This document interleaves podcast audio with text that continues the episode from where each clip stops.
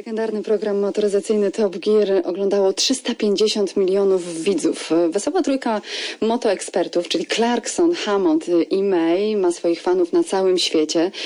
Dosłownie. Program oglądaliśmy od lat i przyznam, że wyglądał tak, jakby robił się sam. Ale wiadomo, że czuwała nad nim duża ekipa telewizyjna. Jednym z twórców programu był Richard Porter, autor książki Top Gear od środka. Richard promuje swoją książkę w Polsce. Cieszę się, że możemy się dzisiaj spotkać. Dzień dobry. Hello. Aż skręca mnie dosłownie z ciekawości, żeby zadać pytanie, ponieważ nie widziałam niestety. Jakim samochodem przyjechałeś dzisiaj do naszego studia? Well, we came in something a bit special, and I hope your listeners aren't too. Mieliśmy dzisiaj coś naprawdę wyjątkowego. Mam nadzieję, że słuchacze nie padną z zazdrości, kiedy to usłyszą. E, Przyjechałem dziewięcioletnią Hondą Accord. Właściciel powiedział, że można na niej zawsze polegać. I hope, uh, I hope your listeners aren't too jealous of that. A na co dzień czym jeździsz? Uh, Właśnie sprawiłam sobie taką zabawkę, która jest moim w tej chwili głównym samochodem i to jest Land Rover Defender, dlatego że właśnie przed chwilą wyszedł z produkcji, już go się nie robi. i postanowiłam kupić sobie jeden z ostatnich egzemplarzy. W Anglii mówimy na to man maths, czyli taka męska matematyka, uzasadnianie nieuzasadnionych wydatków. Po prostu powiedziałam sobie, że to będzie egzemplarz kolekcjonerski.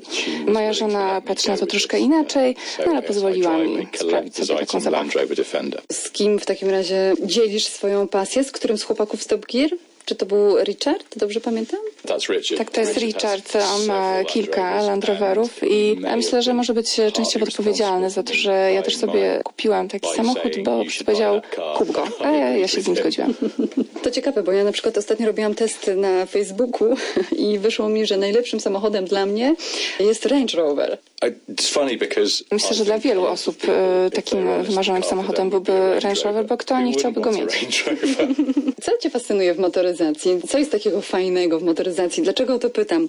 Zawsze jak ja mówię, że interesuję się samochodami i fascynuje mnie świat motoryzacji, szybkich samochodów, to wszyscy patrzą na mnie dziwnie.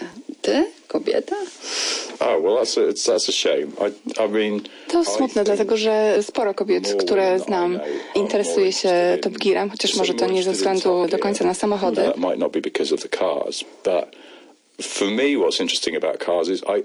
Jeśli o mnie chodzi, to nawet to nie wiem od czego mam zacząć. To jest moja życiowa obsesja I myślę, że to jest e, jakaś kwestia genetyczna, dlatego że mój dwuletni synek chce mówić tylko o to samochodach, bawi się wyłącznie samochodami. to Kiedy idziemy ulicą, to stale powtarza, tato, the zobacz, samochód, samochód. Także obawiam się, "Car, dad, że przekazałem mu ten e, car." taki defekt genetyczny, który sprawia, że człowiek ma obsesję na punkcie samochodu. Twoja historia w ogóle sama w sobie jest bardzo ciekawa i fascynująca. Przypomina spełnienie amerykańskiego snu mm, od pucy buta do milionera, a właściwie od y, sprzedawcy krawatów do y, scenarzysty programu y, Top Gear. Jak się właściwie zaczęła ta twoja przygoda? Well, I, as I said in the book, I was working in a shop and I was selling. No tak, ja pracowałem w sklepie, sprzedawałem krawaty. Natomiast Top Gear, stary, dawny Top. Gear był zupełnie innym programem niż teraz. Nadawano go w czwartkowe wieczory. Był e, chwilami nudny, taki rozsądne, były w nim materiały, e, z jednym wyjątkiem. E, Jeremy Clarkson jako jedyny prezenter mówił mm, zabawne, nietypowe, kontrowersyjne rzeczy. Mm, A nie miałem pojęcia, że uda mi się things. pracować w tym programie. Um,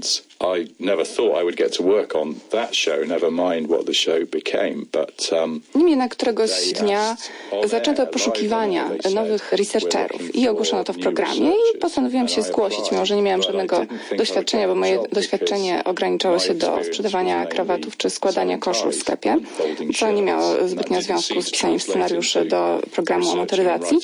Niemniej jednak producent był um, genialnym i bardzo ekscentrycznym człowiekiem i okazało się, że brilliant, na rozmowę w takim samym krawacie jak on. E, I on powiedział mi komplement, powiedział, podoba mi się twój krawat. said, "I Powiedział, no mi tie." twój też się podoba. "Yes, I like your I tie." roześmialiśmy się kilka tygodni później e, zadzwonili do mnie, że, że mam tu pracę, więc to jest moja wskazówka dla wszystkich, którzy szukają pracy. Spróbujcie ubrać się podobnie do ludzi, z którymi będziecie rozmawiać.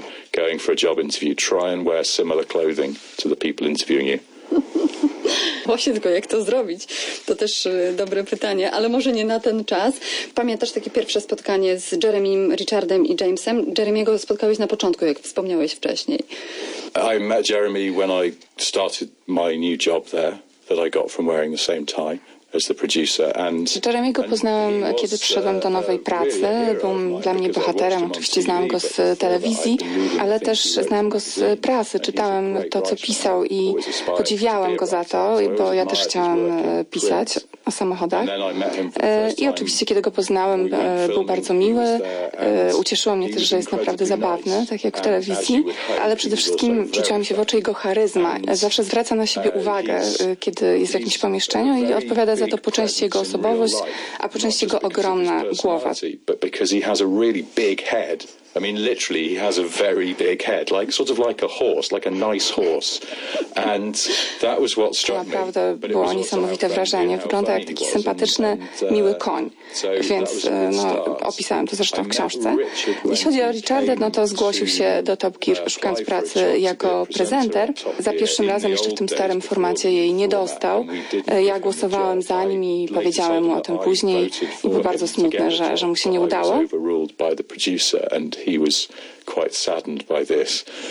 And then James also came in to interview for a job as a No, jeśli chodzi presenter. o Jamesa, no to on również się zgłosił do nas po prostu na rozmowę. Chciał zostać prezenterem Top Gear.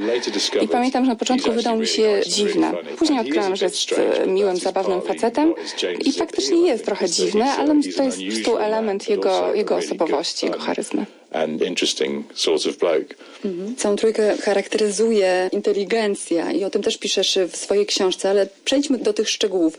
W telewizji, o ile dobrze pamiętam, broni się dobrze przygotowana improwizacja, czyli musisz mieć przygotowany scenariusz w taki sposób, żeby wszyscy wiedzieli, co robić, a wasze scenariusze, twój scenariusz był bardziej ogólny. Jak one powstawały? Możesz opowiedzieć trochę o kuchni, którą opisujesz w książce?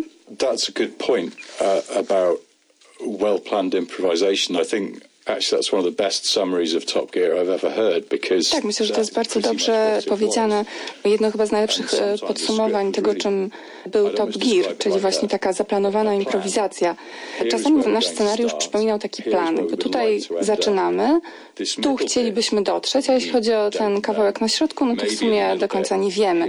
Może wydarzy się to, może prosimy, żeby prezenterzy zrobili to i to, ale no nie ma pewności, czy faktycznie to się wydarzy, bo może przyjdzie im do głowy coś zabawniejszego. Może Jeremy nagle postanowi zrobić coś głupiego, albo James zirytuje się głupotą pozostałej dwójki y, i nam pozostaje tylko włączyć kamerę i pozwolić, żeby to się działo.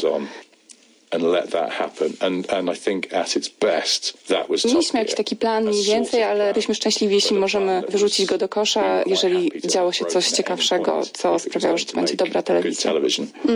W książce piszesz o tym, że początki były trudne. Pilot pierwszego odcinka do pierwszej serii Top Gear był totalną klapą i najgorsze, a dla mnie z punktu widzenia dziennikarza najciekawsze było to, że mieliście drugą szansę.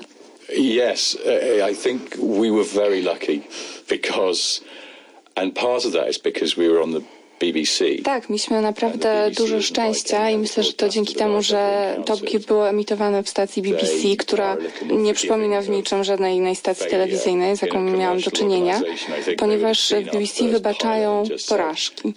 W jakiejś komercyjnej organizacji natychmiast by stwierdzono, że nie mamy pojęcia, co robimy i należy znaleźć kogoś, kto, kto będzie się na tym lepiej znał.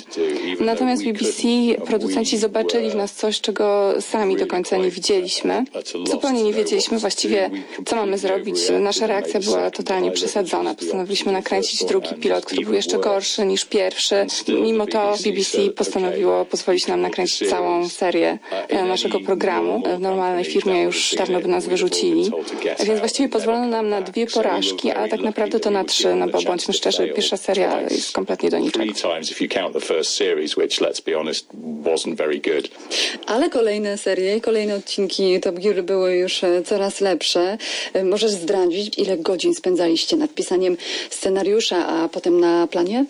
So the the studio parts of the script, we did have a system of sorts for that, and I would write a a draft script. Jeśli chodzi o scenariusz tego, co się działo w studiu, to mieliśmy coś na kształt naszego systemu.